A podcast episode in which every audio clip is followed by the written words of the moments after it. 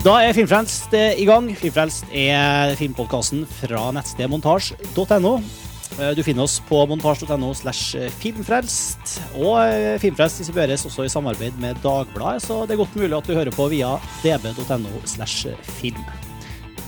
Jeg heter Martin Sivertsen, og eh, jeg har samla et eh, glad rundbord med filmentusiaster her over eh, fra Lillehammer. eh, Eller i hvert fall live på, fra Lillehammer. Lars Ole Kristiansen, hallo. Hallo. Hallo, hallo. Er du på filmskolen? Er du hjemme? Du- Eh, nei, jeg er aldri på filmskolen. Eh, jeg er på filmvitenskapsfløyen. Men eh, nå, nå sitter jeg hjemme, ja.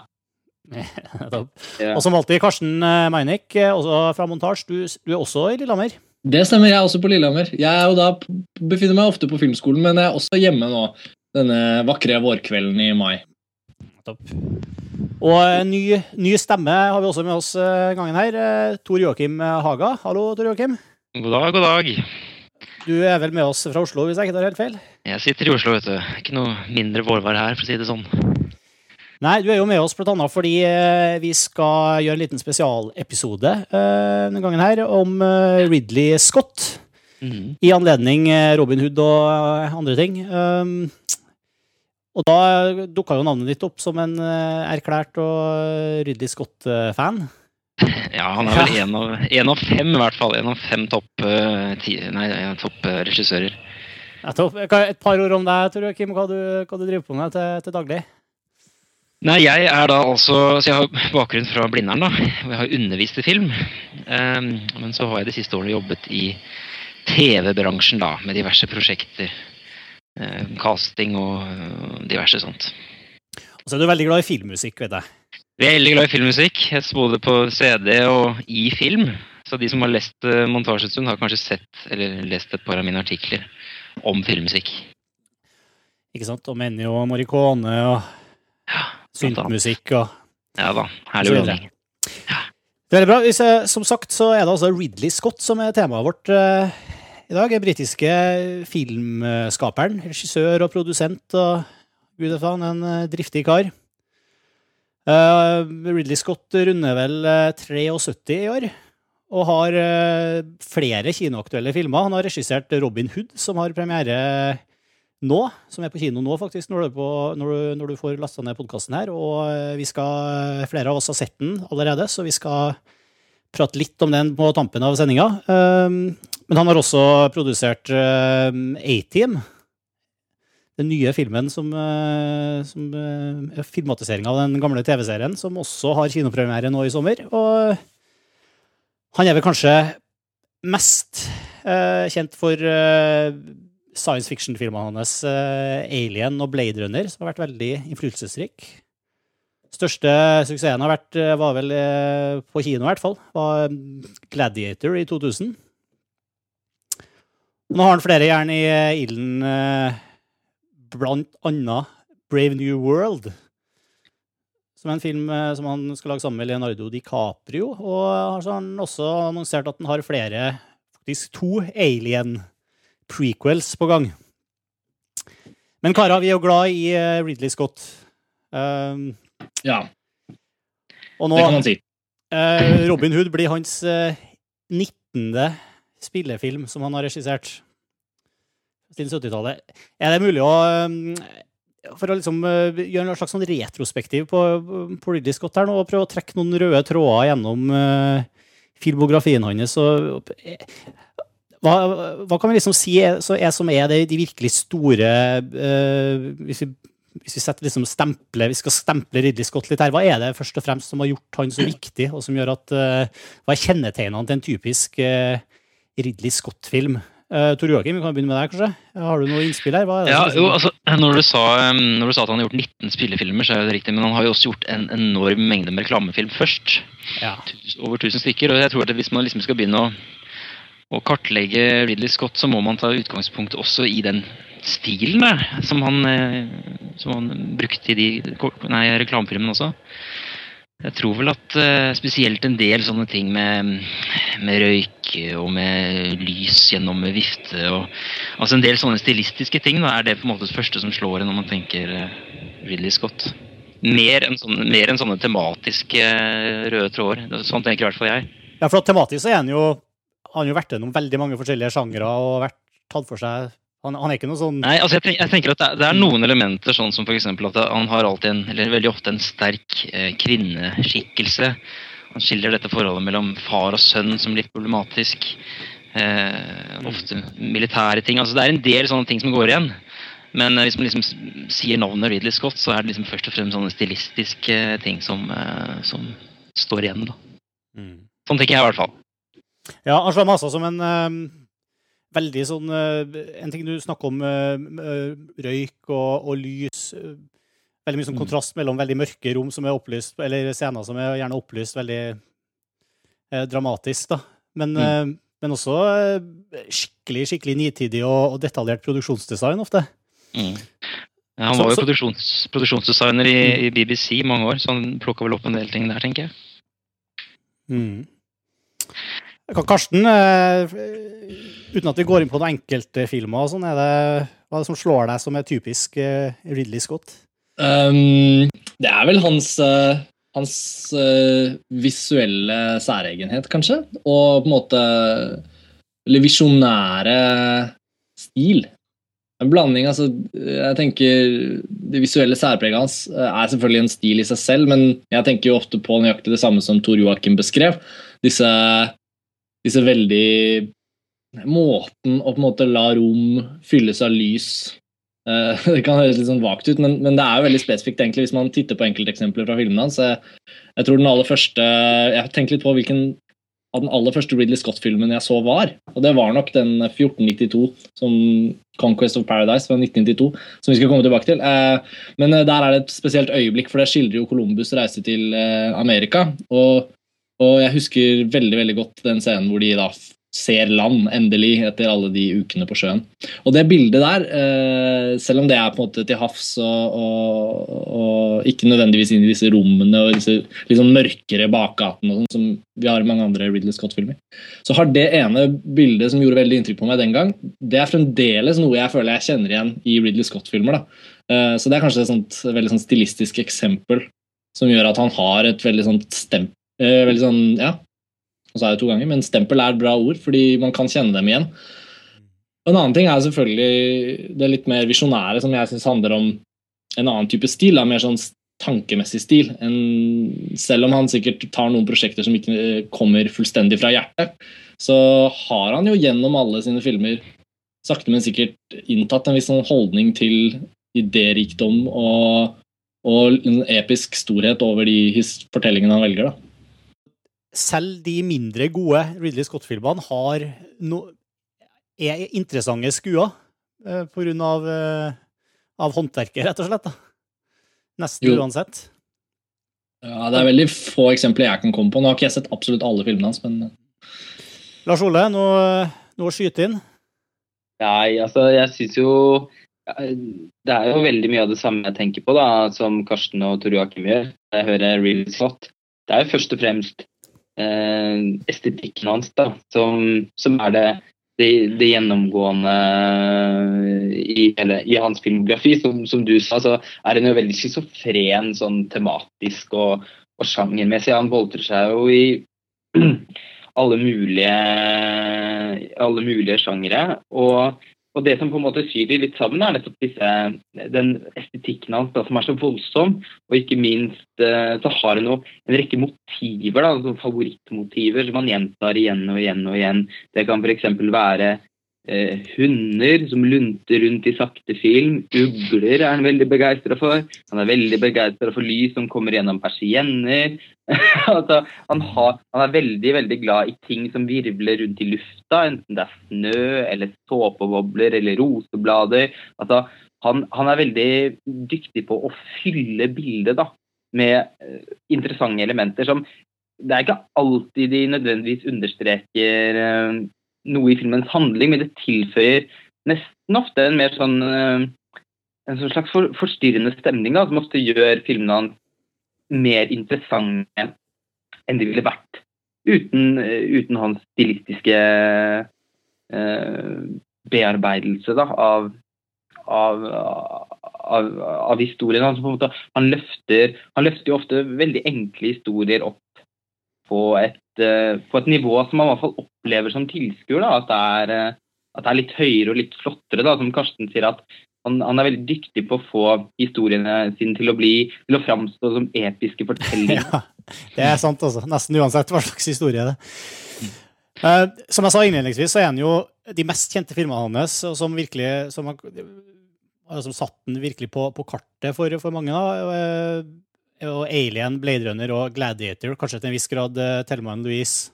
Men utover det, eh, vi ble jo enige om her at vi, for å angripe denne podkasten og denne Ridley Scott-spesialen, at vi skulle eh, gå litt løs på de, en del av de andre filmene hans som vi kanskje syns fortjener litt oppmerksomhet og, og er verdt å, å trekke litt fram og prate litt om. Og kanskje ta runden, hver enkelt av oss, og hvor, vi hver og en da trekker fram eh, eh, Ridley Scott-filmer som, eh, så, ja, som vi gjerne vil prate litt mer om. da. Eh, og da har vi jo forberedt våre, våre respektive lister deretter. Eh, og Karsten, kanskje du kan ha æren av å begynne? En, eh, Ja, en eh, eh, Ridley Scott-film fra dypet, skulle du si, som, eh, Ja, som ikke er av de, de fire jeg nettopp nevnte. ja. Det var jo veldig hyggelig at jeg fikk begynne, for jeg, jeg følte jeg klarte å avsløre meg allerede nå første gang jeg fikk lov å si noe. Med, Eh, med 1492. Ja, for det, da syns jeg vi skal hoppe rett på den. Eh, altså, vi ble enige om å velge tre, tre såkalt undervurderte Ridley Scott-filmer. Det ordet 'undervurdert' er veldig vanskelig å ha. Altså, Hva betyr det egentlig i den store sammenhengen? Men Ridley Scott er jo en veldig veldig kjent filmskaper. Mange mennesker som kanskje ikke forholder seg så mye til regissører, men som har mange favorittfilmer, vil nok kunne identifisere Ridley Scott ganske tidlig, etter mer kjente folk som Spielberg og bla, bla, bla. Men Ridley Scott han, han er jo der oppe. Samtidig så har han disse underlige filmene som, som jeg tror mange ville reagert på. da, Hvis jeg sa f.eks.: Å ja, men den er regissert av han som lagde Gladiator. Og så vil noen tenke hva, er det samme regissør? Samtidig som man kan kjenne det igjen. ikke sant? Og 1492, A Conquest of Paradise, som den heter, eh, det var som jeg sa, den første Ridley Scott-filmen jeg så. Og en film jeg liker veldig godt. Jeg, jeg anerkjenner at den ikke er en stor film. Uh, man kan sikkert peke på mange svakheter og sånn hvis man først ønsker det. Men det var en film som traff meg veldig, og som jeg har sett flere ganger opp gjennom årene. Uh, så da vi ble enige om dette med undervurdert, så følte jeg ok, 1492 den skal fall, den skal i fall med. Nå har jeg ikke, nå har jeg ikke rangert det, da, men den, eh, det er den første. Ja, øh, den har vi vel alle sett her, regner jeg med? Ja. Med Sigourney Weaver og Gérard Depardieu. Det er jo historien om Christopher Columbus' oppdagelse av Amerika. da, Hvis det er noen Ja. som ikke vet hvilken film jeg snakker om. Eh, Det er Gerard Depardieu som spiller hovedrollen, som eh, Cristobal. Og eh, i en litt sånn merkelig castingavgjørelse så er da Sigourney Weaver eh, presset inn som dronning Isabella. Eh, og vi har med Armand Asante og et par sånne som utviklet seg til sånne gode B-skuespillere opp gjennom 90-tallet. Eh, som har lurt seg inn i diverse biroller. En veldig bra bad guy i åh, Hva heter han skuespilleren? din? Michael Wincott, er det ikke det han heter? Uh, som spiller denne forferdelig skumle eh, løytnanten, eller hva man skal kalle han. Adrian de Moxica. Um, Men, eh, men, jeg- ja. men, men den filmen floppa jo. Ja både for, blant kritikere og blant publikum. Og det som derimot ikke floppa, var jo filmmusikken av Vangelis, som ble en dundrende suksess. Nettopp, Du kan kanskje legge på den litt sånn under nå mens vi snakker, sånn at eh, publikum Ja. kjenner den. For den er jo Alle kjenner igjen den, liksom. Ja, Den ble jo blant annet brukt som et av de mest sentrale temaene på den første sesongen av Robinson-ekspedisjonen på TV3. Eh, så eh, TV-glade nordmenn som ikke har sett filmen, vil i hvert fall kjenne igjen musikken. Men det er klart, ja, musikken er vel egentlig det mest kjente fra hele filmen. Eh, Ja, jeg tror det er veldig mange som Jeg tror det er mange som eh, som kanskje også har sett filmen en eller annen gang mens den har gått på TV, men som kanskje ikke egentlig i etterkant tenker over at den musikken faktisk er fra den filmen. Eh, fordi den musikken blir brukt i så utrolig mange sammenhenger at den har nesten gått fra å være musikk til å nærmest bli kultur. ja, Nei, men absolutt. Og jeg syns jo den musikken var helt fantastisk. Jeg husker jeg strevde veldig fælt med å få tak i den, for da var jeg ikke så veldig tidlig, tidlig på 90-tallet og på midten av 90-tallet, da jeg på en måte kun hadde VHS-utgaven av filmen å forholde meg til, så, så var det jo ikke så lett å få tak i den musikken. Så av og til så ble den til og med spilt på radio, husker jeg. Det, at den ble Sikkert på P2 eller noe sånt, da, men så, da ble jeg helt sånn frosset, og jeg måtte liksom få tatt den opp på kassett. og sånn, så det, Jeg tror den faktisk ble spilt på P4, alle ting. ja, det, det kan jeg ja. Jeg husker ikke kanalen. Det var jo såpass populær eh, filmmusikk at den kunne spilles på radio for seg selv. Um, men, men selvfølgelig så har jeg jo valgt ut filmen kanskje ikke nettopp for å snakke så mye om musikken som vi kjenner så godt, da, men rett og slett fordi jeg mener det er en det er en veldig god film. Og da, da ser jeg bort ifra enkelte ting som er svakt. Men så vil jeg fokusere på det jeg syns er sånn viktig med å fremheve den, og det er det at jeg syns uh, Ridley Scott som visualist, som, uh, som regissør på historien om Columbus, passer utrolig godt. For er det noe Christopher Columbus sin historie har liksom fascinert alle vi som har liksom lært om han i historiefaget på skolen, og sånn, så er det, jo, det er jo det med oppdagelsesferdens liksom, Hele den epokens begynnelse. Den første oppdagelsesreisende som lyktes i å komme til noe som faktisk betød noe. Eh, og den fortellingen om ankomsten til Amerika har jo en helt egen magi i seg. Eh, og når det først skulle gjøres på film, så er det jo egentlig bare en del av filmen som på død og liv må lykkes, og det er jo denne, denne liksom drømmende fascinasjonen for hva det nye land kan være, da, hvordan det kan oppleves. Så fra filmen befinner seg til havs, og gjennom oppdagelsen av eh, de der øyene de ankommer til, og møtet med urbefolkningen, og selvfølgelig korrupsjonen som de, gjerre, de grådige spanjolene fører med seg, og tragedien det hele leder til. Da.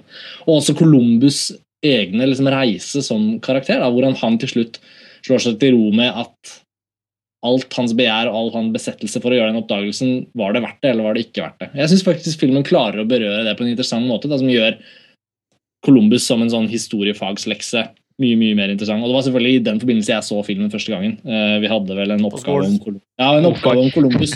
Ja, hvor jeg uh, gikk i videobutikken og, og fant den filmen. Syns det er utrolig at det er den første Ridley Scott-filmen, men ellers eh, Er den første Ridley Scott-filmen jeg så? Ja, ikke sant? Jo, men jeg, ja, jeg, er født i 1982, da, så jeg, jeg så vel den da, her da kom jo Blade Runner. Ja, jeg vet det. Jeg er like gammel som Blade Runner. Men, eh, men det var vel kanskje 1993 eller 94, og, og det var jo mange av de Ridley Scott-filmene som jeg da i etterkant vil se at hadde mye høyere aldersgrense enn det jeg fikk, eh, fikk lov til å se, men ja. Mm. Så Det var først senere hvor jeg oppdaget Jeg husker jeg så Blade Runner, så skjønte jeg at det var samme regissør. og Da syntes jeg det var veldig morsomt å oppdage. så det var mitt uh, valg. Jeg vet ikke om det er noen som har lyst til å tilføye noe spesifikt om den, men, uh, men jeg syns den er litt undervurdert. I den forstand at mange regner det kanskje ikke som en Ridley Scott-film, de tenker ikke at det er det. Uh, og mange syns den er helt uinteressant som film. Det er jeg uenig i, da. Jeg kan bare tilføye at jeg er litt enig med deg. Det er nok ikke like begeistret som det du er. for jeg har ikke så sterke nostalgiske bånd til filmen. Men, men jeg syns også ja, det, det, er jo no, det, det, er noen som omtaler filmen bortimot som en kalkun, da, og det er jeg i hvert fall helt uenig i. Jeg syns også den er i det minste veldig berusende å se på. Da. Den er jo så, såpass flott visuelt og strengt tatt den fantastiske evangelisk-musikken bidrar jo veldig til å skape en sånn følelse av eventyrlyst. Da. Og jeg er også enig i at han bad guyen, han Moxica, han kommer jeg aldri til å glemme. Han er en fantastisk bad guy. Så jeg også liker den filmen litt, i hvert fall. Men Lars Ole, kan ikke du eh, ta, ta, din første film på lista mens du er i gang? Jo, da skal jeg bare kort uh, redegjøre for at som Karsten sa innledningsvis, så er det litt sånn definis definisjonsspørsmål av hva som er undervurdert. Eh, men da har jeg i hvert fall tatt utgangspunkt i eh, selve betydningen av ordet undervurdert, og det vil si at det ikke er oversett. Altså Man kan jo si at filmer som The Duelist og Directors Cut av Kingdom of Heaven er ganske oversette filmer, men de er jo strengt tatt ikke undervurdert. De er jo veldig anerkjent. Kingdom of Heaven var jo en eh, fiasko av en kinofilm, men, en, men den er jo helt fantastisk i, i Directors Cut-versjonen, og har jo også blitt veldig anerkjent eh, etter det. Så derfor har jeg da ikke Den er høyt vurdert av de få som har sett den. ja, så de vil jeg vel sette i kategorien oversette Ridley Scott-filmer, men definitivt ikke undervurderte. Så Derfor er min første film eh, på lista, eller den tredjeplassen, da, er da Legend. Oi, oi. Jeg har ikke ja. noe problem med at den er litt undervurdert. Men ja. Legend er også hans, uh, hans forløper til 'Ringenes herre', skulle jeg si. Hans uh, fantasyfilm med alle alver og fairies og Og som fortelling så er den jo helt håpløs. Det kan jeg være helt uh, enig i. Altså, den er toskete skrevet og har et plott som egentlig er veldig uengasjerende. Og Tom Cruise går rundt med ett uttrykk. Og jeg liker godt Tom Cruise, men i den filmen så går han egentlig rundt med bare ett uttrykk i hele filmen. Eh, dog er det en veldig flott bad guy her også, som er Darkness, som blir spilt av Tim Curry. Han gjør en veldig artig, artig rolle, syns jeg. Men først Han, eh, han minner jo veldig om uh, Hel, Hva heter det? Hellboy. Ja, Ja. veldig.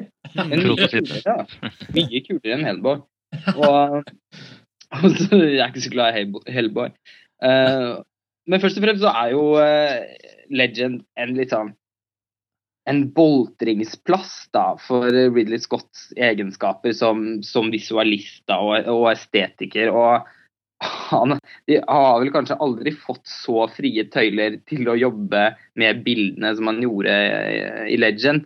Og Det er ikke noe tvil om at det er veldig overlesset, men uansett et ganske fascinerende skue. da. Jeg syns det er en sånn stemning i filmen som, eh, som er veldig som, som aldri har forlatt meg helt. da Jeg har faktisk sett den flere ganger i min ungdom.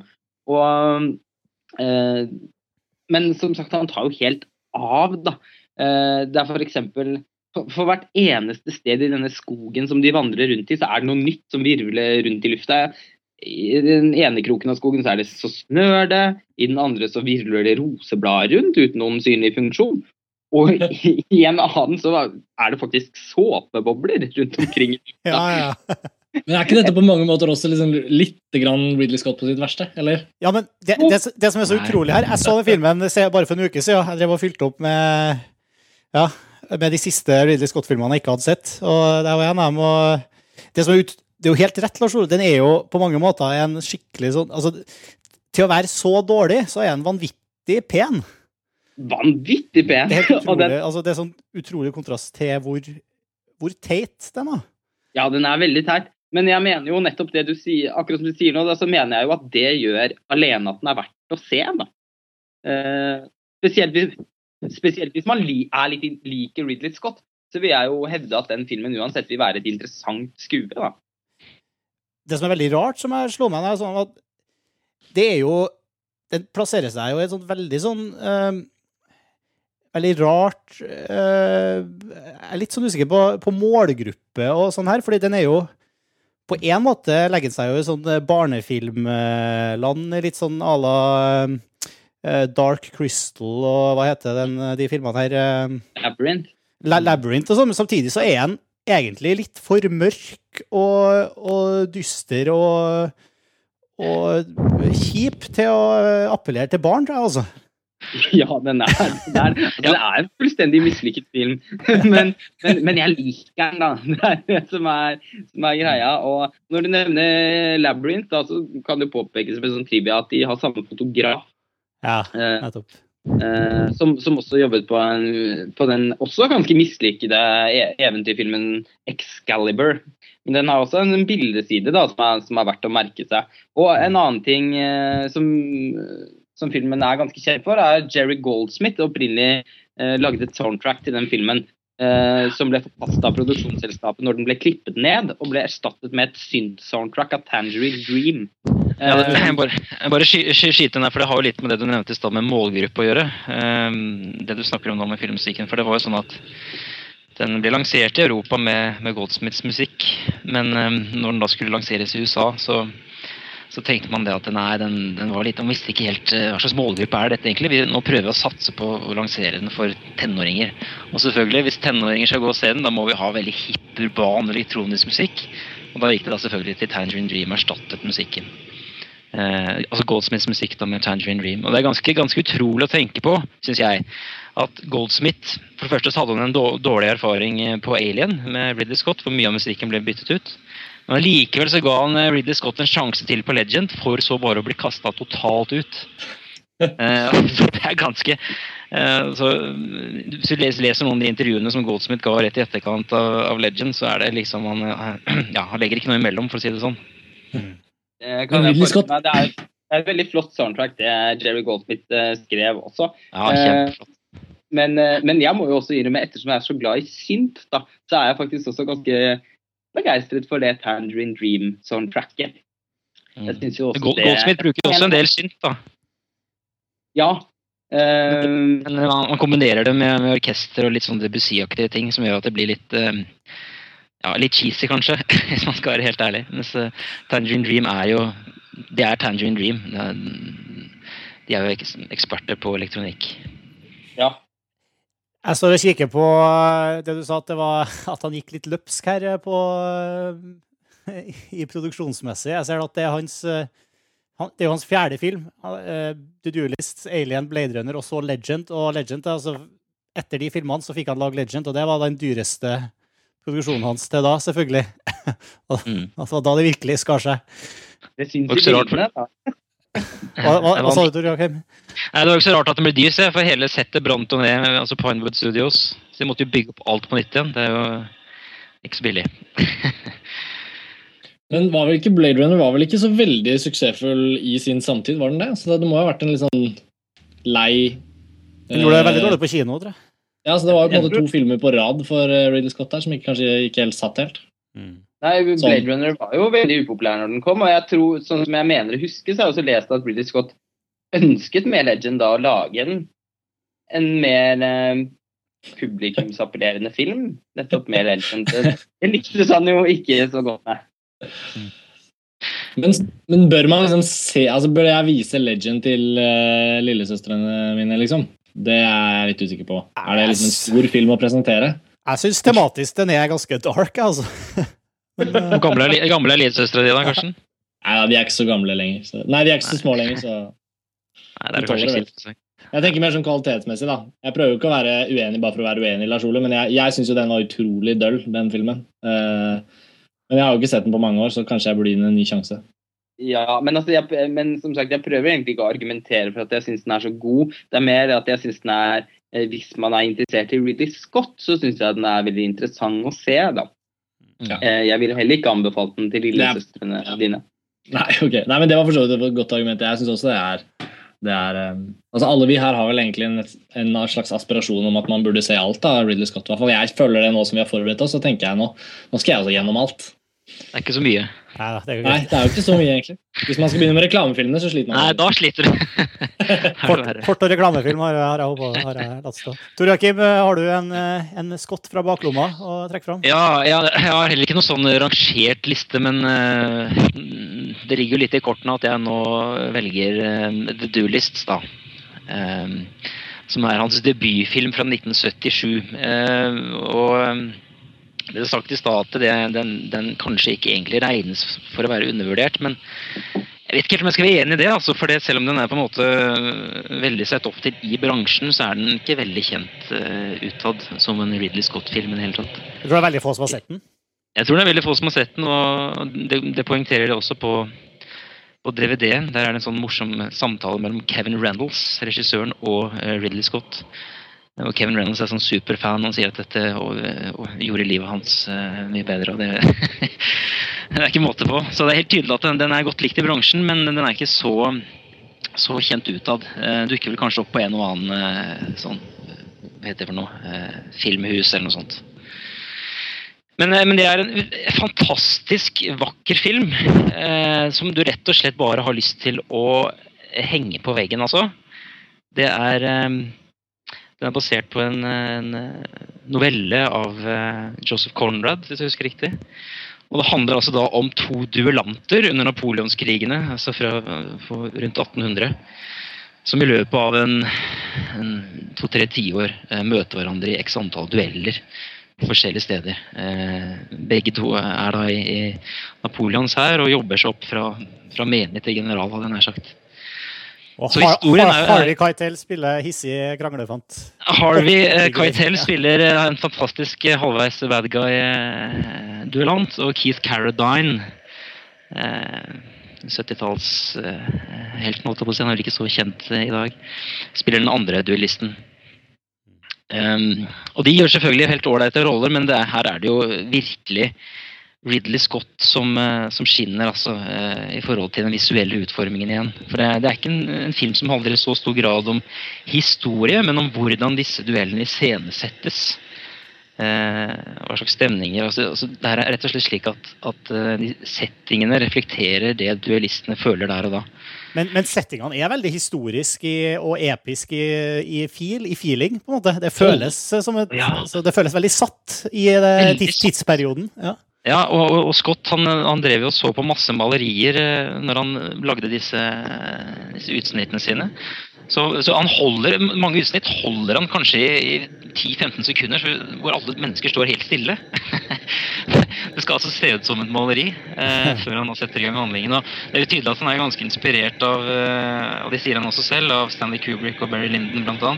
Eh, Kubrick er jo en stor inspirasjon for, for Scott.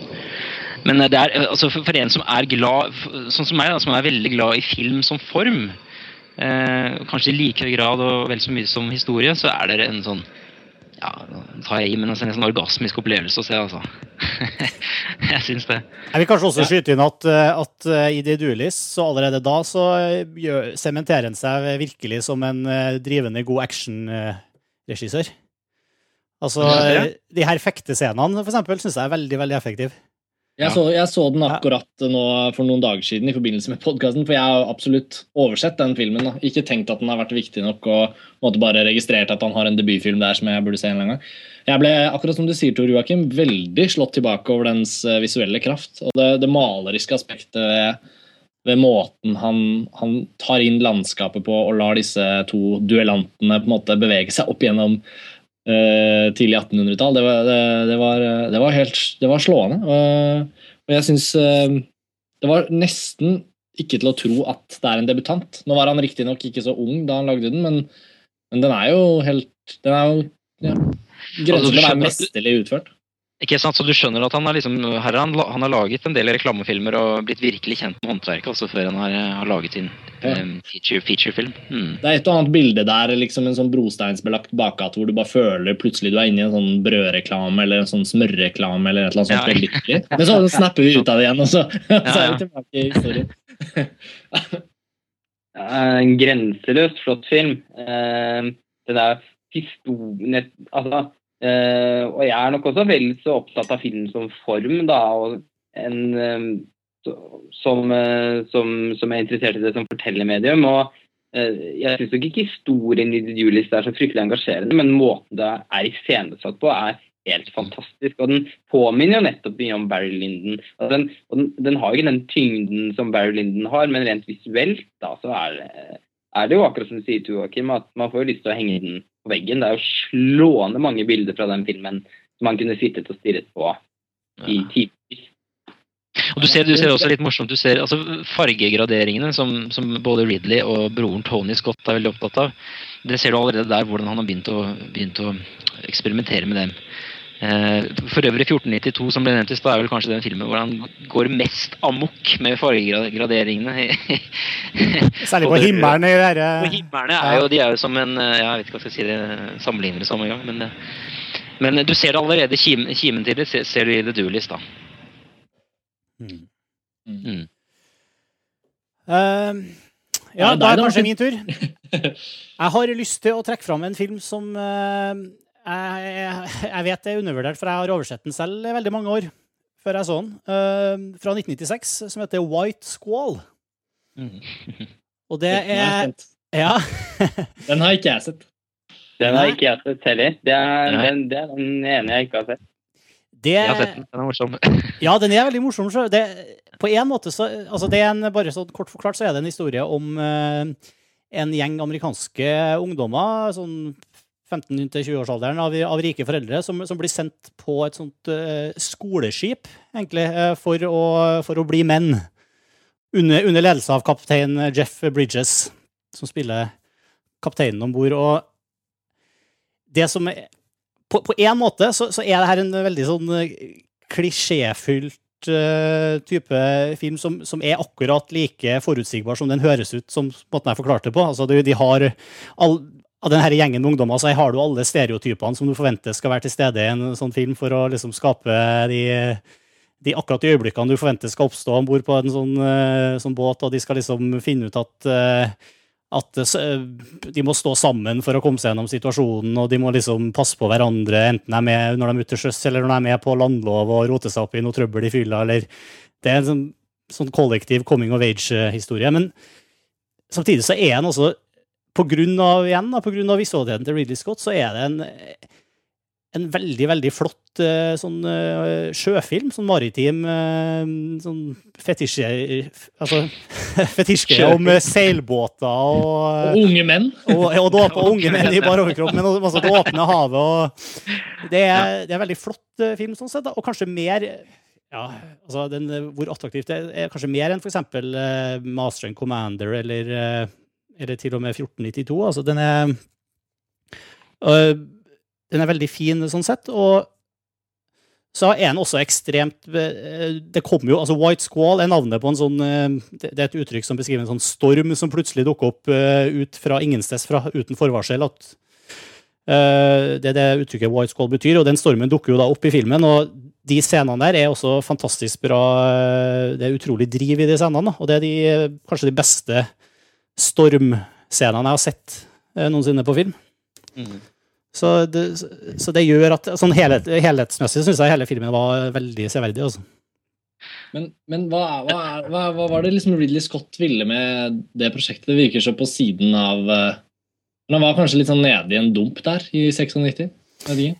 Ja, altså Det er basert på en sann historie, på det som skjedde med, med det her skoleskipet på begynnelsen av 60-tallet. Jeg vet ikke om han hadde noen tilknytning til det. eller Jeg har ikke researcha så mye bakgrunn for, for filmen, egentlig. Men, eh, Det er- litt, litt morsomt at Variety de skrev en anmeldelse av den filmen, og de, de kalte den for um, The Sailing Poets Society.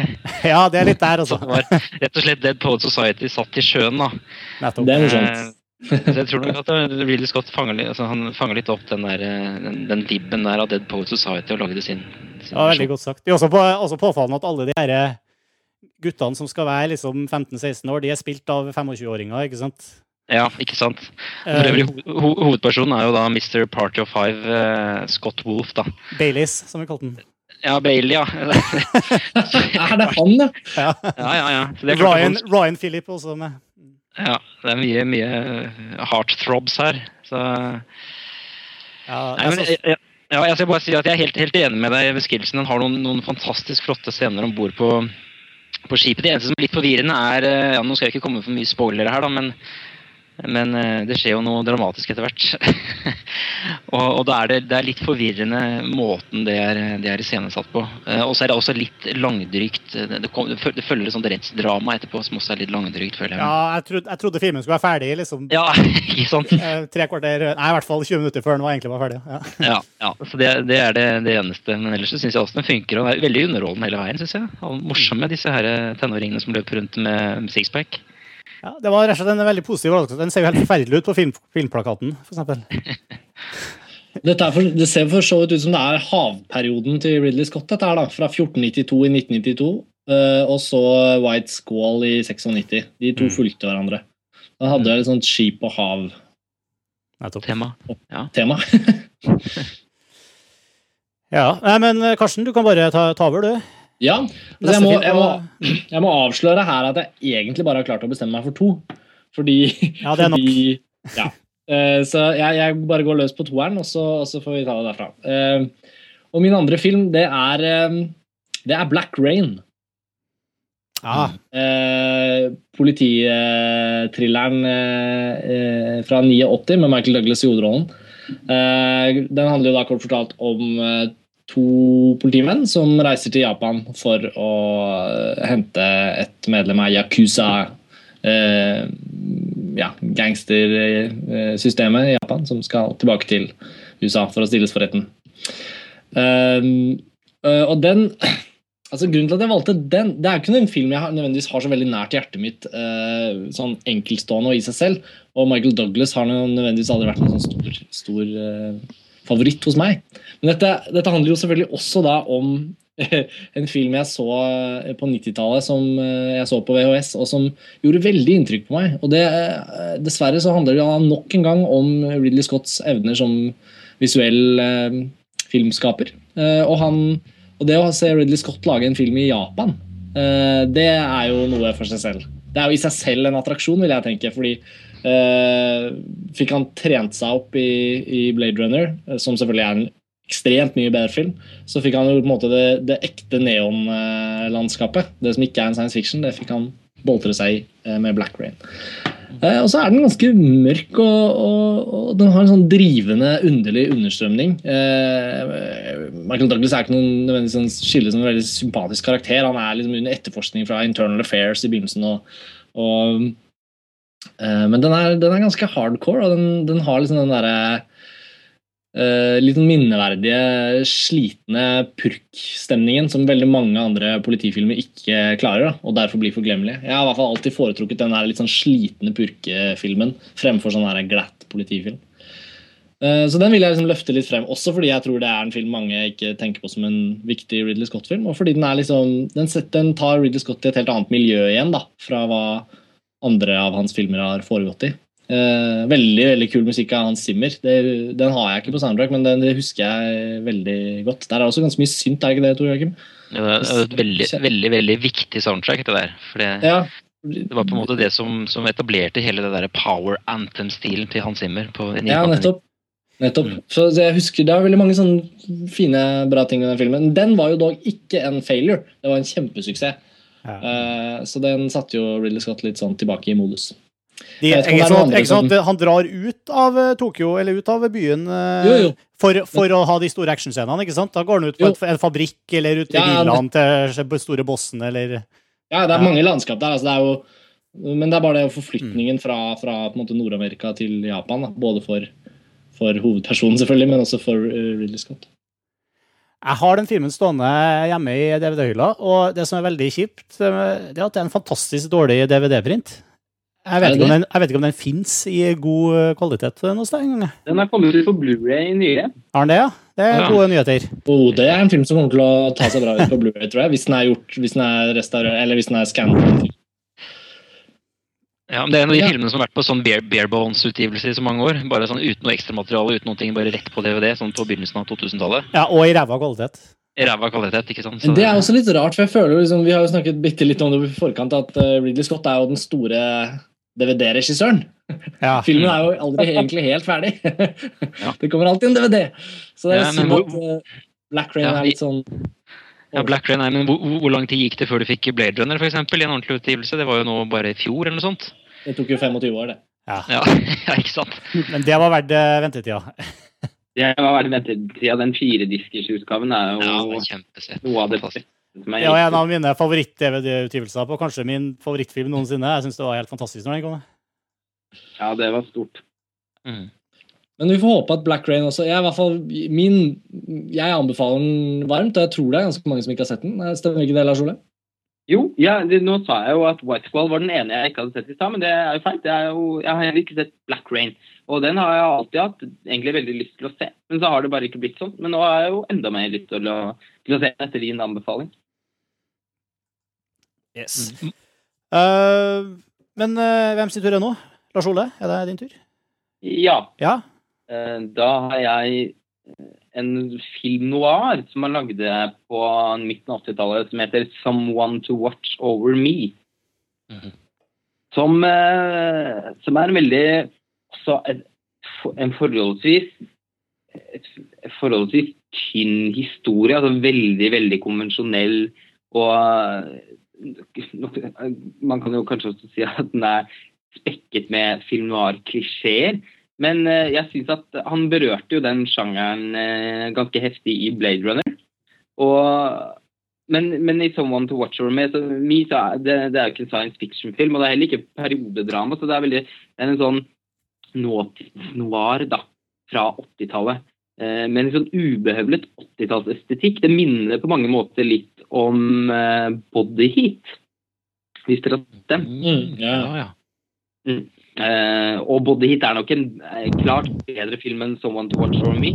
Men jeg syns at uh, filmen har en veldig sånn forførende stemning og en veldig Og samtidig et veldig vakkert bildespråk, da, som nesten alle filmene. Så, som en, en renspikket film noir-pastisj, da, så, så syns jeg den er veldig, veldig vellykket. Og jeg syns også både Tom, Ber Tom Berringer og hun Laureen Bracco, er det ikke det hun heter? Lorraine Bracco, mm. Mm, eh, jeg syns begge de to også gjør veldig gode roller da, i, eh, i filmen. En veldig, veldig underholdende og litt sånn merkelig oversett film, syns jeg. Den er eh, veld, altså, typisk, veldig tilgjengelig. Det er typisk en film som burde kunne vært en publikumssuksess, men som vel heller ikke var det når den kom, og som bare har svunnet helt hen i etterkant. Jeg tror jeg også er veldig sjeldent at den f.eks. sendes på TV. Men, men den er jo veldig anonym, da. Den føles Ja, det- som en sånn du sier 80-talls uh, Ja, det er kanskje den mest anonyme av alle filmene hans, syns jeg.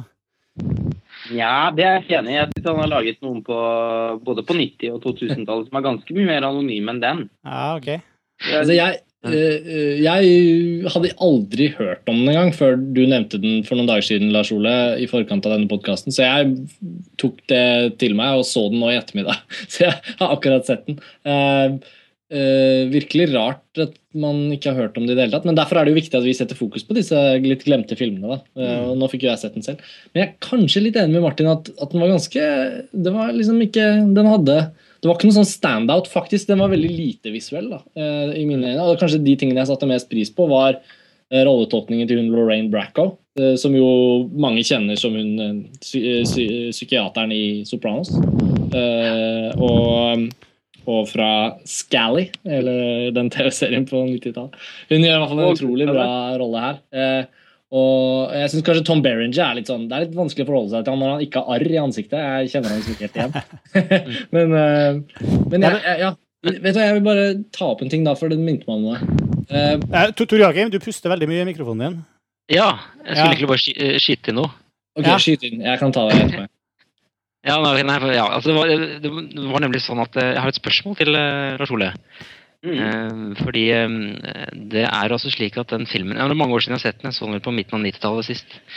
Men eh, det er mange kritikere liksom, som hevder at dette, den, liksom, den tematiserte klasseskiller i USA da, på en veldig en spesiell måte. Men Nå huska jeg ikke det selv. Er det noe du, du synes når du så den, eller? Ja, nå er det lenge siden jeg har sett den også. Jeg husker det vel så vidt som et tema i filmen, men jeg husker vel snarere at det var gjort på en ganske sånn konvensjonell og heller litt overtydelig måte, kanskje. Ja, det er veldig overtydelig. Det er veldig mange scener av hun eh, kona til han eh, hovedpersonen som står i den lille rønna av en leilighet i, eh, i Queens og vasker kopper med barn på armen, mens han er i luksusleiligheten til hun dama som han passer på og liksom eh, blir forført. Ja, Det- men det, er, det- er kanskje litt den sleazy stemningen da, som ligger, som ligger i det at hun blir forført av han, som, som jeg nok liker litt, da, og som kanskje påminner meg om Bodyhit. Jeg, jeg synes den det, Møtepunktet mellom film noir og erotisk thriller synes jeg det er veldig opp min gate. Og, så Det er sikkert også derfor jeg liker den filmen litt. Jeg har aldri, aldri glemt den. Jeg eh, hadde et problem med The Duelist, selv om jeg likte den veldig godt. Og så hadde jeg det samme problemet i Someone to Watch Over Me. Og det er det at jeg innimellom merker at Ridley Scott evner ikke helt å balansere to stemninger i samme film. Eh, jeg, syns, eh, jeg syns den litt sånn løse komikken som innimellom eh, setter The Duelists sånn på skjeve. Litt sånn Oi, dette var ikke lenger en sånn veldig veldig stilig periodefilm. Dette var en litt sånn litt kanskje klosset grenser til selvparodi à la Monty Python. Nå er jeg veldig slem, men i Someone to Watch Over Me så var det også den der litt sånn merkelig komiske tonen innimellom. For jeg ønsket jo å se den noir-filmen den egentlig var. akkurat som du sier, Lars Det er jo der filmens kvaliteter ligger. Men så innimellom, i skuespillet særlig, så, så liksom blir det sånn skeivt og keitete. Og så føler jeg ikke at jeg er helt der hvor den filmen eh, går. da. Og så kommer han tilbake igjen. Og så, så det var, jeg synes Begge de filmene hadde det lille sånn ujevnhetspreget som jeg, som jeg Ja, de minte meg hverandre litt om, om hverandre. Vi snakka litt om det Karsten, her forleden, at uh, om det var noe Ridley Scott hadde problem med, så var det komikk, komedie. Så da kanskje er han tar seg, han tar, virker som han tar prosjektene sine og filmene sine veld, veldig seriøst. da. Eller det er en sånn selv, selvhøytidelighet i nesten alt han gjør. Ja, Eller i hvert fall når han prøver det. eller i hvert fall når du prøver som. Altså, for eksempel en film som Thelma Louise da, den synes jeg er veldig morsom. Den har noen kjempemorsomme og sjarmerende øyeblikk. da. Men da kommer det jo ikke fordi, de, fordi det på en måte er instruert til å være morsomt. Da er det fordi han har, eh, han har skapt noen karakterer som bare i seg selv har den typen oppegående sjarme som gjør at det blir gøy. Men eh, ja, jeg er i hvert fall uansett glad jeg så den, Lars Ole. For det, det at du skulle velge den ut, var vel egentlig også grunnen til at jeg så den. Og det er absolutt en av de mindre Helt, helt sikkert en av de mindre sette filmene. Jeg tror jeg. Ja, Ved siden av White Squall er det vel kanskje den mest Squall. Ja. ukjente Ridley Scott-filmen av alle.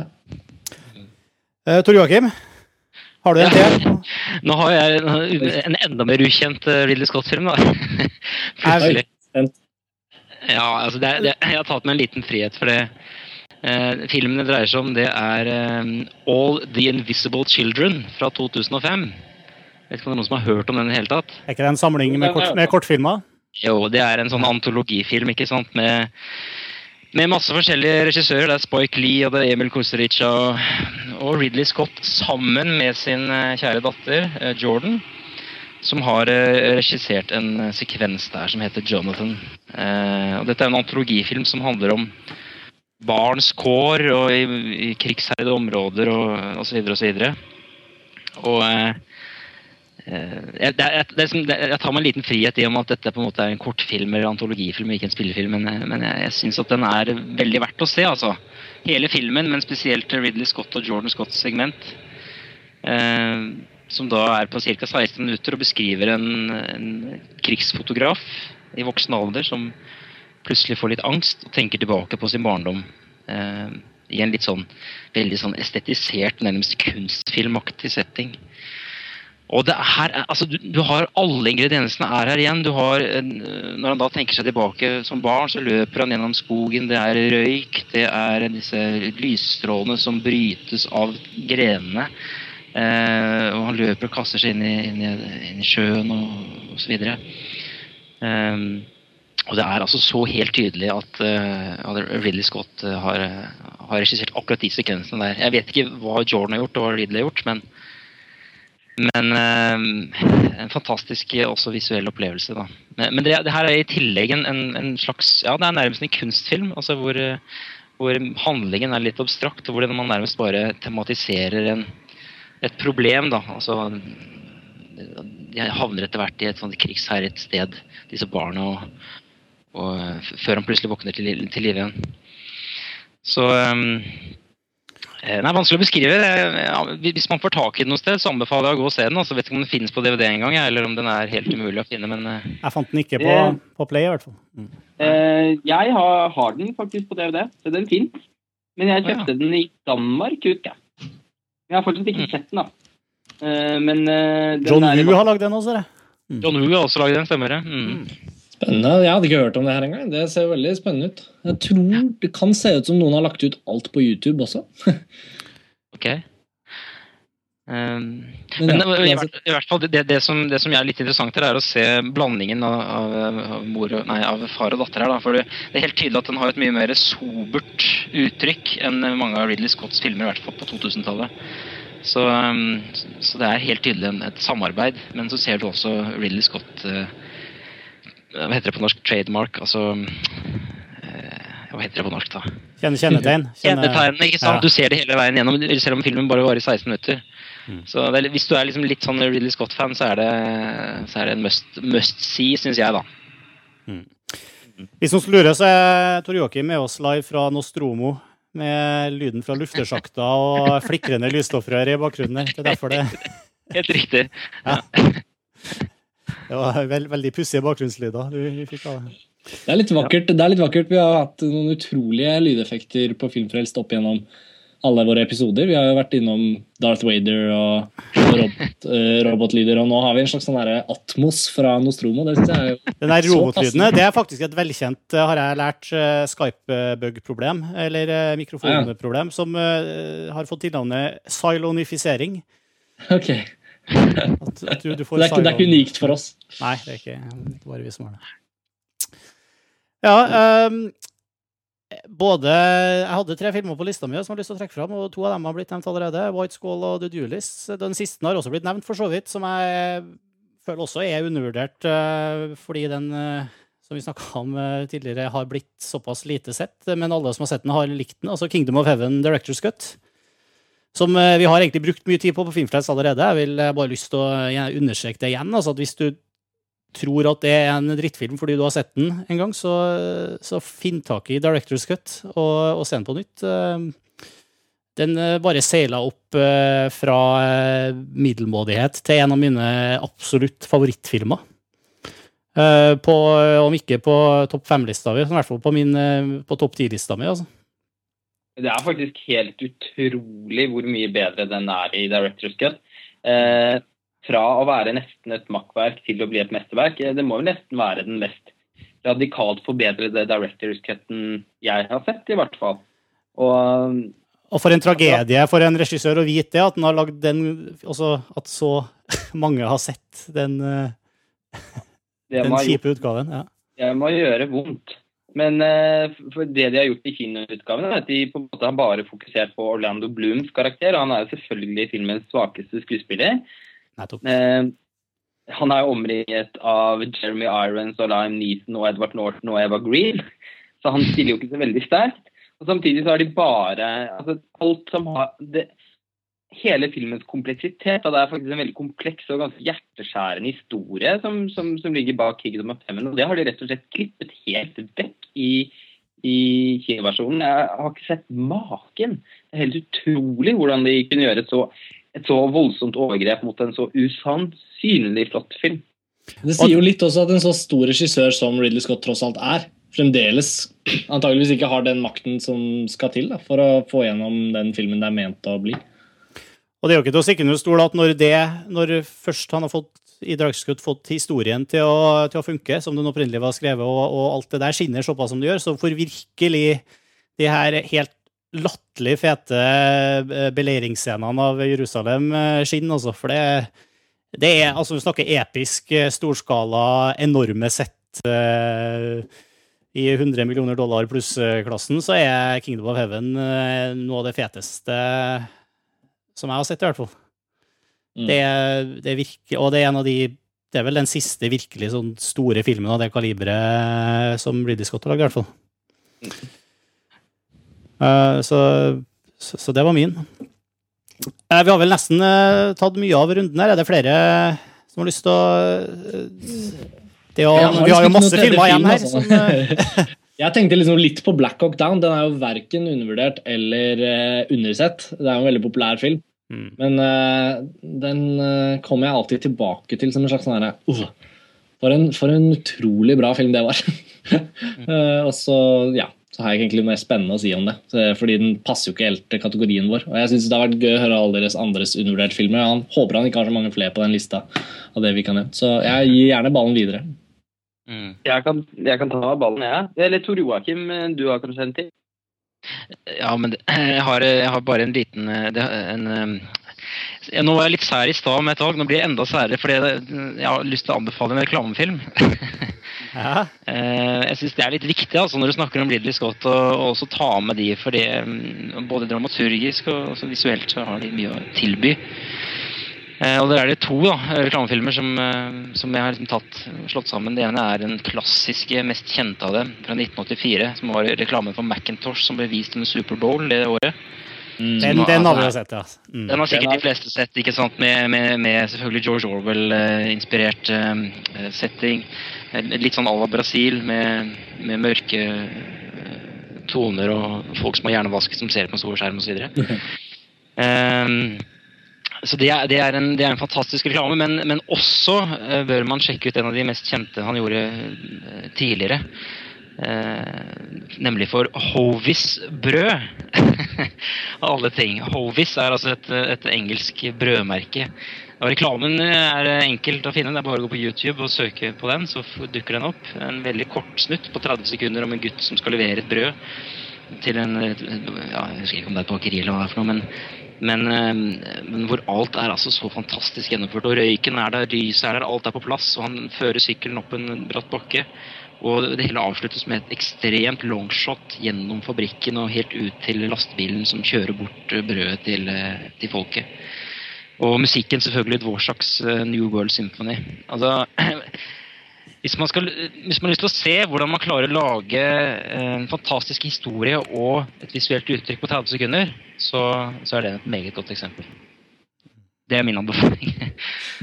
Da, da kan jeg komme med min. Og det er en suveren førsteplass på den lista mi over undervurderte Ridley Scott-filmer.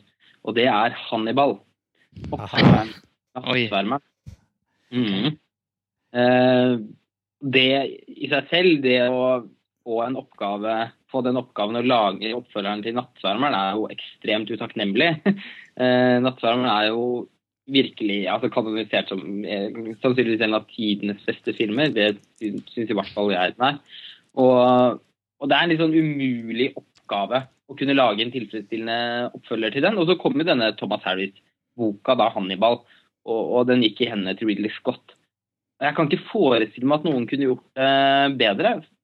Der hvor den lykkes veldig godt for meg i forhold til den første filmen, er at den er så forskjellig at jeg nesten ikke syns det er verdt å, å linke de opp mot hverandre en gang. Da jeg syns at den står veldig på sine egne, be, sin egne bein. Der det første er et eh, tett psykologisk skrekkdrama, da er jo Hannibal mer av et slags snodig karakterportrett. Eh, som, som, jo i større grad utforsker Hannibals personlighet, og på en måte Hannibal på fritiden, kan man vel nesten si. Og den er hovedsakelig satt i Firenze. Og eh, den rammen som Firenze skaper, og da sett gjennom Ridley Scotts linse, eh, er vel noe av det vakreste jeg kan huske å ha sett på film på, på 2000-tallet. Jeg syns sjelden etikken hans har vært så overveldende som det den er i Hannibal. Filmen begynner med en helt fantastisk sekvens hvor det er noen duer som skaper Hannibals ansikt på et torg. Ja. altså, det er jo bare helt utrolig. Og, og, etter det så kommer det også en slags actionsekvens, en sånn shootout-sekvens, hvor han eh, videreutvikler det han hadde begynt med i Gladiator, som er å kombinere slow motion og fast motion med hverandre. Altså, han har ofte først eh, først en scene som han kjører i sakte film, og så, akkurat som han ønsker å ta igjen den tiden han brukte på å kjøre den scenen i sakte film, så speeder han det opp i klippet etterpå. Uh, og det gjør han veldig veldig effektivt i den shootout-scenen, som jeg syns også er en av de uh, sett, vurdert alene, kanskje en av de flotteste scenene han har lagd. Dessuten syns jeg også filmen er engasjerende som et drama. Da. Den er kanskje ikke så skrekkelig spennende, men det føler jeg heller ikke er intensjonen til filmen. Den er eh, i et veldig flott grenseland mellom å være nesten helt svimeslående vakker og samtidig forferdelig grotesk. Ja, det, var det jeg skulle si der. Altså det, den filmen har kanskje den, en av de ekleste sekvensene jeg kan tenke på noensinne. I, noen, altså, Hvilken sekvens tenker du på da?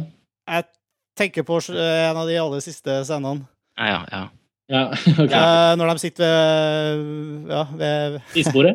ved spisebordet. Ja. Og ikke at det, det er altså, bare hele konteksten. Altså, det føles veldig veldig guffent når du har kommet dit. da.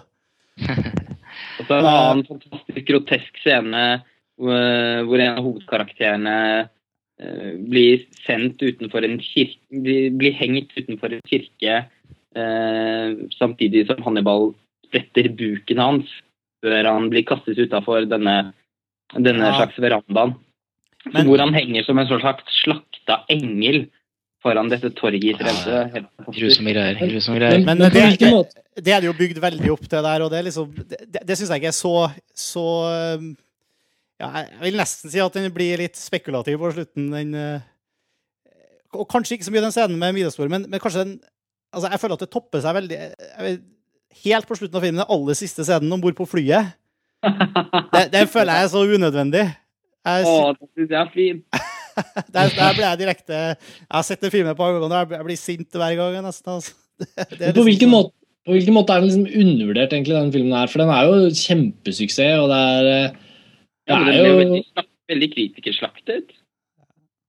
Mm. Det ja, den gjorde det.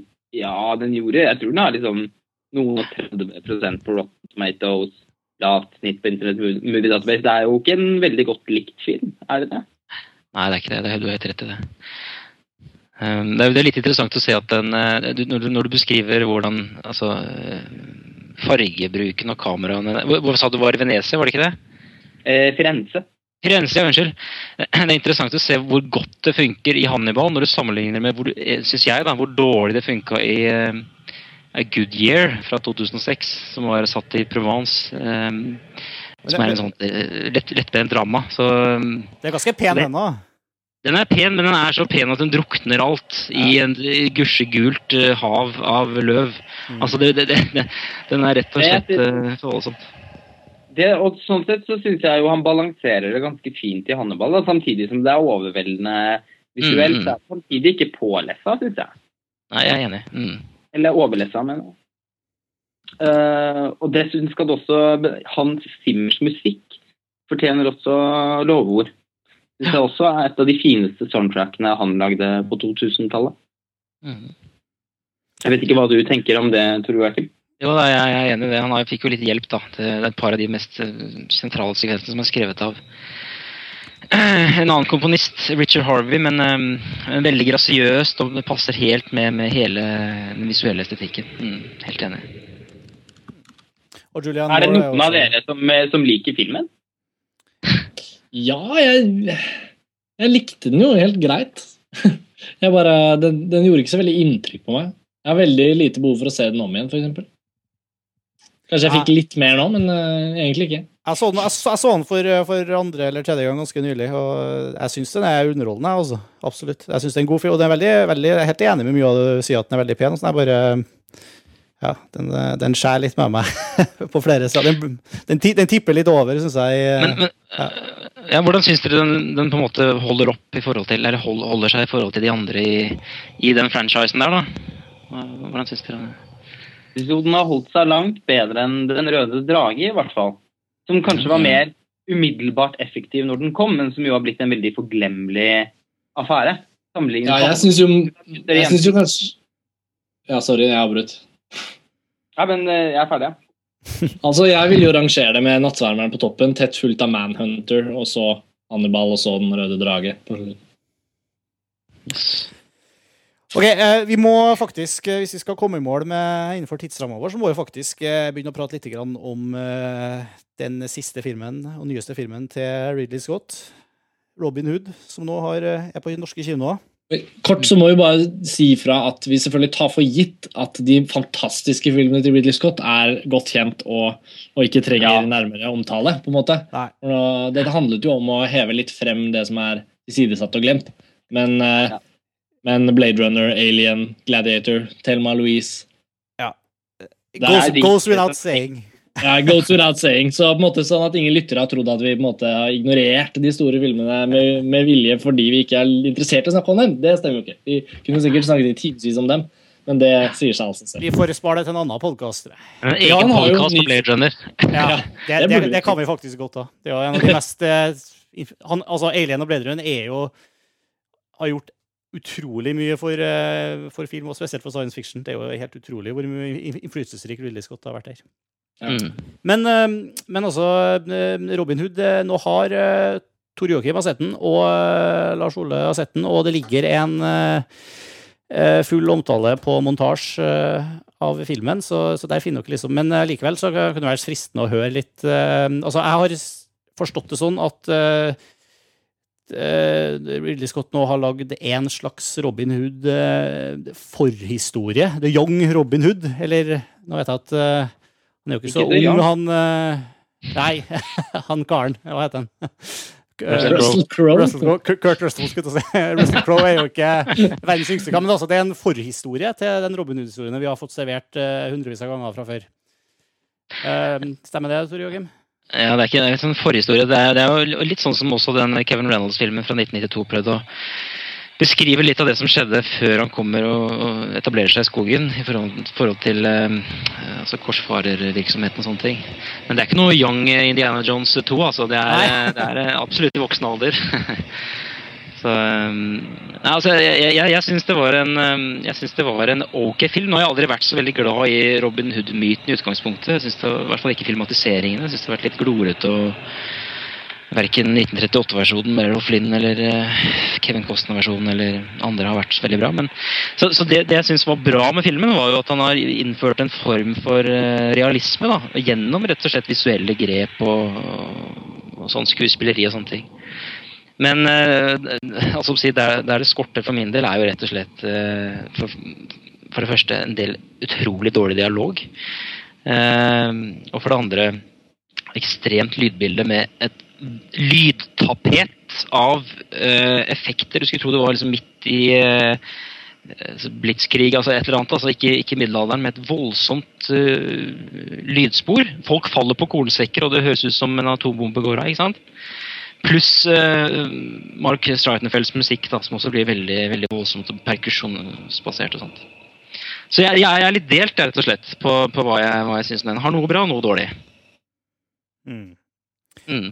Det var Jeg hørte kommentert på radio her, jeg husker ikke hvem som sa det, men uh, han har blitt så, gått så inn i, inn i uh, å gjøre filmen til en sånn, som du sier, at det er en høy grad av realisme her. og det kanskje har blitt at det har gått på bekostning av, av, magien og myten og eventyret som kanskje har prega som vi forbinder med Robin Hund. At det har blitt så veldig hyper... Altså, det, så ja, det, ned, ned, i grusen, liksom. Grusen, ja, men det syns jeg ja. egentlig er ålreit. Ja. Jeg, jeg, jeg, liker det. Jeg liker å dra myter ned og så prøve å realisere det i hverdagsspråk. Da. Det syns jeg er veldig morsomt. Mm. Men uh, ja, nei, det, det funka litt sånn delvis for min del. Lars Ole, hva syns du? Ja, jeg er også litt blandet. Altså. Jeg er nok eh, Men mer mot det positive enn mot det negative. Eh, det skal jo sies at Dette er en type film som jeg er veldig glad i. da. Historical epic, hvis man kan kalle det er jo sånn, i hvert fall fra barnsben av en av mine absolutte favorittsjangere. Så jeg syns det var en stor tilfredsstillelse i seg selv da, å kunne gå og se en sånn film på kino igjen. Eh, ja, det har nesten ikke kommet en sånn film etter Kingdom of Heaven. Det kom jo veldig mange en periode. Um, altså, ja, noen av de var jo helt elendige, sånn som f.eks. Troy. Men både Alexander og ikke minst da Kingdom of Heaven i sin Director's Cut syns jeg jo er fryktelig bra. Um, men, men, nå har det liksom vært noen års tørke, da. Uh, og Derfor var det tilfredsstillende å rett og slett bare kunne benke seg ned i kinosalen og se en film i den sjangeren igjen. Og sånn sett så syns jeg filmen på mange måter er veldig gjennomført. Jeg syns den var gjennomgående godt spilt. Jeg syns nok ikke karakterene til verken Russell Crowe eller Kate Blanchett, som jo har hovedrollene, var spesielt interessante. Og så kan man jo også si at historien i seg selv var heller ikke veldig engasjerende. Jeg ble ikke noe, Denne kjærlighetshistorien for eksempel, ble jeg veldig uberørt av. Det jeg syns styrket filmen veldig, var bikarakterene. Ja, Max von Sydow var jo kjempebra. Han var veldig, veldig bra. Det er jeg helt enig i. Og jeg syns også han som spilte han, eh, han John, altså han, han, som blir konge Ja. ja. Mm. Han syns jeg også var veldig, veldig god. Og han Mark Strong, som senest har spilt bad guys i både Sherlock Holmes og Kickass, han står vel litt i fare for at det kan bli litt inflasjon i, i, i det, men han, han syns jeg også var veldig god i den filmen her. Det var en helt fantastisk scene hvor, eh, hvor, han spiser en østers med blod på. Eh, ja. ja. Den kommer jeg sent til å glemme. Det var et stort Ridley Scott-øyeblikk. det, det, det, det, som var det, mest, som var det mest positive med filmen for min egen del, var altså Etter at nå Ridley Scott har laget Good Dear American Gangster og Body of Flies jo, altså Både American Gangster og Body of Flies er jo i og for seg gode filmer, men jeg syns de har manglet veldig den visuelle eventyrlysten til Ridley Scott. Det er nesten følelsen at han har hatt en eller annen produsent som sa at du skal i hvert fall ikke få gå så langt som du gjorde i Kingdom of Heaven. Uh, og det er i hvert fall litt vekk da i Robin Hood. Han får jo boltre seg et, i et univers som uh, jeg syns kler hans, hans regi veldig godt. Og der får man jo disse favorittmotivene sine hvis man er Ridley Scott-fan. Det er hunder som lunter rundt i sakte film, det er en ugle der, det er lys som bryter mellom mellom Is it artificial? Hæ? Is it artificial? Ah, Blade Runner. Uh, lyset som bryter gjennom, gjennom løvverket. Ja. Det snør litt. Disse, disse visuelle fetisjene, da, de får man i hvert fall. Det er veldig deilig. Og, og jeg syns også Jeg likte veldig godt stemningen i filmen, først og fremst. Den syns jeg var veldig gjennomgående Eh, og god. Altså det er veldig Den er ganske snakkete. Eh, jeg ser for meg at denne kommer til å gjøre det ganske stusslig på box office etter åpningshelgen. Jeg tror at veldig mange litt yngre kommer til å snakke ganske stygt om filmen. Jeg vil tro at mange vil oppleve den som litt kjedelig. rett og slett. Det er veldig mye vandring rundt i borger hvor de snakker med hverandre. Og så er ikke dialogen så bra heller, syns jeg. Så... Den, jeg syns ikke den var så ille, faktisk. Jeg syns det var noen, til og med var noen segmenter av den som var skikkelig bra.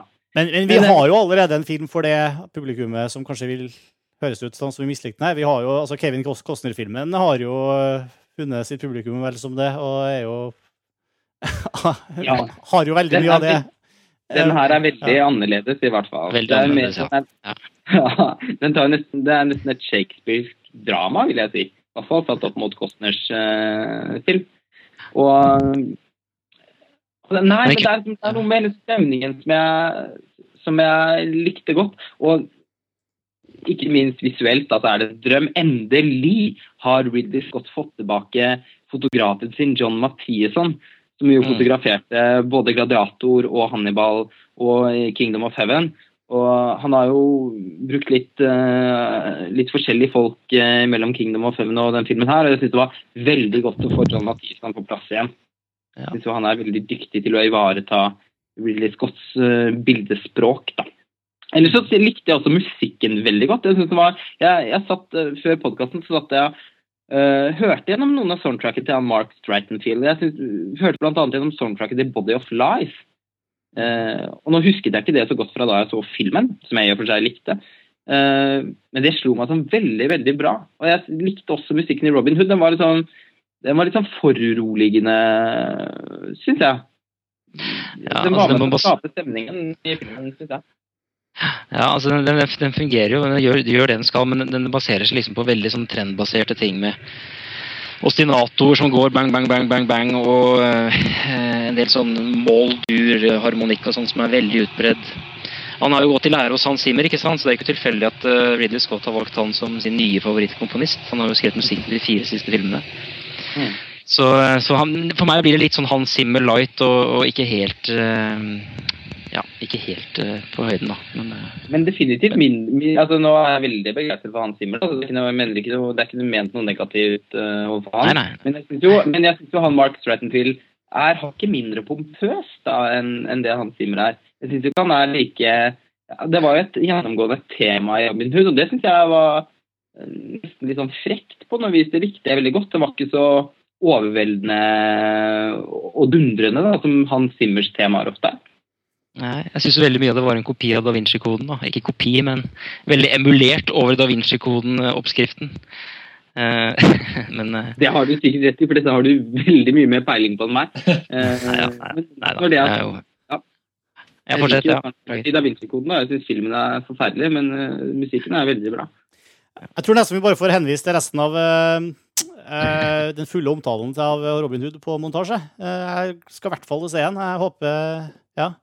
Jeg, jeg, jeg blir også overraska om det her blir en eh, stor kinosuksess. Eh, det, er en, det er et hardt solgt konsept å, å selge en Robin Hood-film nå, tror jeg. Men uh, likevel. Uh, det må ses. Vi skulle gjerne hatt litt tid til å prate om kommende Ridley Scott-filmer og sånn nå, Uh, men jeg tror vi lar det være med det her. Vi må også innom konkurransen vår før vi avrunder, nemlig.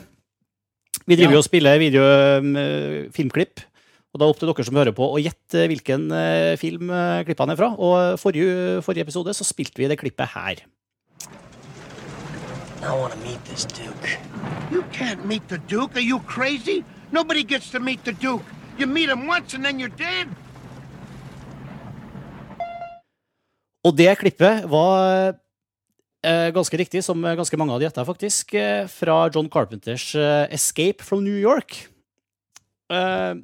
Fra 1981. Litt eh, morsom trivia der er at eh, faktisk kulissene til eh, sånn, De bykulissene, en del av de som ble brukt i New York, leste jeg nettopp på nettet her nå, de, hadde blitt, de ble faktisk malt om og brukt igjen i Blade Runner året etter. Eller samme året, sannsynligvis. Bra miljøholdning i, i filmbransjen. Da. Ja, ikke sant? Det, det liker. Så, eh, men Erlend Eide, du, eh, du skal få den her. Eh, Erlend Eide skriver denne var enkel. Det var 'Escape from New York', ja. For fortsatt gåsehud når jeg ser Snake plantere et balltre i bakhodet på en skurk i ringen. Ja. Kongeshow, gutta. Takk, takk. Denne T-skjorta skal jeg ha, størrelse large. Det skal du få, Erlend. T-skjorte på vei til deg. Montasj T-skjorte. Det er ny vinnersjanse i episoden her, så da er det bare å spisse ørene og høre om dere klarer å dra kjensel på hvilken film det klippet her er fra. What I resent is your perfume, however subtle it may be, competing with the aroma of my fine $3.59 cigar, which I put out this instant. If the phallic nature of it happens to offend your goddamn fragile sensibilities, does it? Det var klippet. Hvis dere gjetta hvilken film det var fra, så send dere en mail til filmfrelst.montasj.no og sett konkurranse Filmfrelst42 i emnefeltet. Og gi oss postadressen deres og hvilken T-skjortestørrelse dere kunne tenkt dere om dere skulle vinne. Så det. Bra. Det var Ridley Scott. Det var Ridley Scott. Klapp, klapp. jeg, jeg, jeg føler at det ligger en eller to eller tre podkaster til om Ridley Scott og Demre her. Det var, i hvert fall, det var veldig artig å prate om alle de filmene som ikke vi prater så mye om når vi snakker om Ridley Scott. Ja. Så satt jeg tenkte litt, Var dette første gangen vi dedikerte en episode av Filmfrelst til én spesifikk regissør? Eller har vi gjort det før? Jeg kunne ikke huske at vi har gjort det. Nei, Vi har vært innom Alien-filmene. Dere har hatt Alien-podkast, har dere ikke det tidligere? Jo, Jo, jo, men det var jo flere regissører, og så hadde vi Terminator-podkast og 1999 og 00-tall, og vi har hatt jo mange spesialepisoder, men å dedikere til en regissør alene har vi vel egentlig ikke gjort før nå. Jeg syns det Så er kjempebra. Ja, ja, Hvis det faller i smak, så har det jo, det er jo flere å ta av. Ja, vi har, jeg og Martin har jo snakka om uh, Spielberg og Det Det er er masse å stor interesse for Spielberg. Å, herregud. Han er en mye større fan av Spielberg enn jeg er av Ridley Scott, så det er jo Da er det mulig vi trenger Jeg er også enda mye større fan av Steven Spielberg. Men, men, eh, men, men nå kommer jo snart Prince of Persia, så Mike Newell, som jo er en gørrkjedelig regissør Han kunne tatt. Ja, ja la, oss, la oss ikke le for tidlig, men uh, Christopher Nolan kunne man jo kanskje gitt Christopher Nolan er en bra kandidat. Det er mange gode kandidater. Send oss gjerne mail eh, til filmfrelst.montasj.no, gjerne med ønsker om, om temaer dere har lyst vi skal ta opp, eh, eller eh, ting fra glemselen som dere vil vi skal prate om, eller gode innslag, ideer, tilbakemeldinger på ting vi har sagt. Eh, vi skal love å lese alt dere sender inn. Så det. Jeg sier takk for laget, alle sammen. eh, Spesielt til deg, Tor Joakim. Jeg håper det var greit. eh, var kjempehyggelig. Kjempehyggelig. Kom gjerne tilbake. Neste gang eh, får du skru ned tett hølet i skroget på Nostromo. Gjør det. Og ja, uh, Filmfest er tilbake om et par ukers tid. Vi høres da. Hei så Ha det lenge. bra. Ha det bra.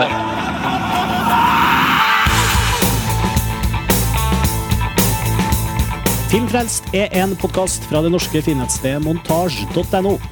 Du kan abonnere på Filmfrelst i iTunes, og du kan lese mer og delta i diskusjonene om hver enkelt episode på montasj.no slash filmfrelst.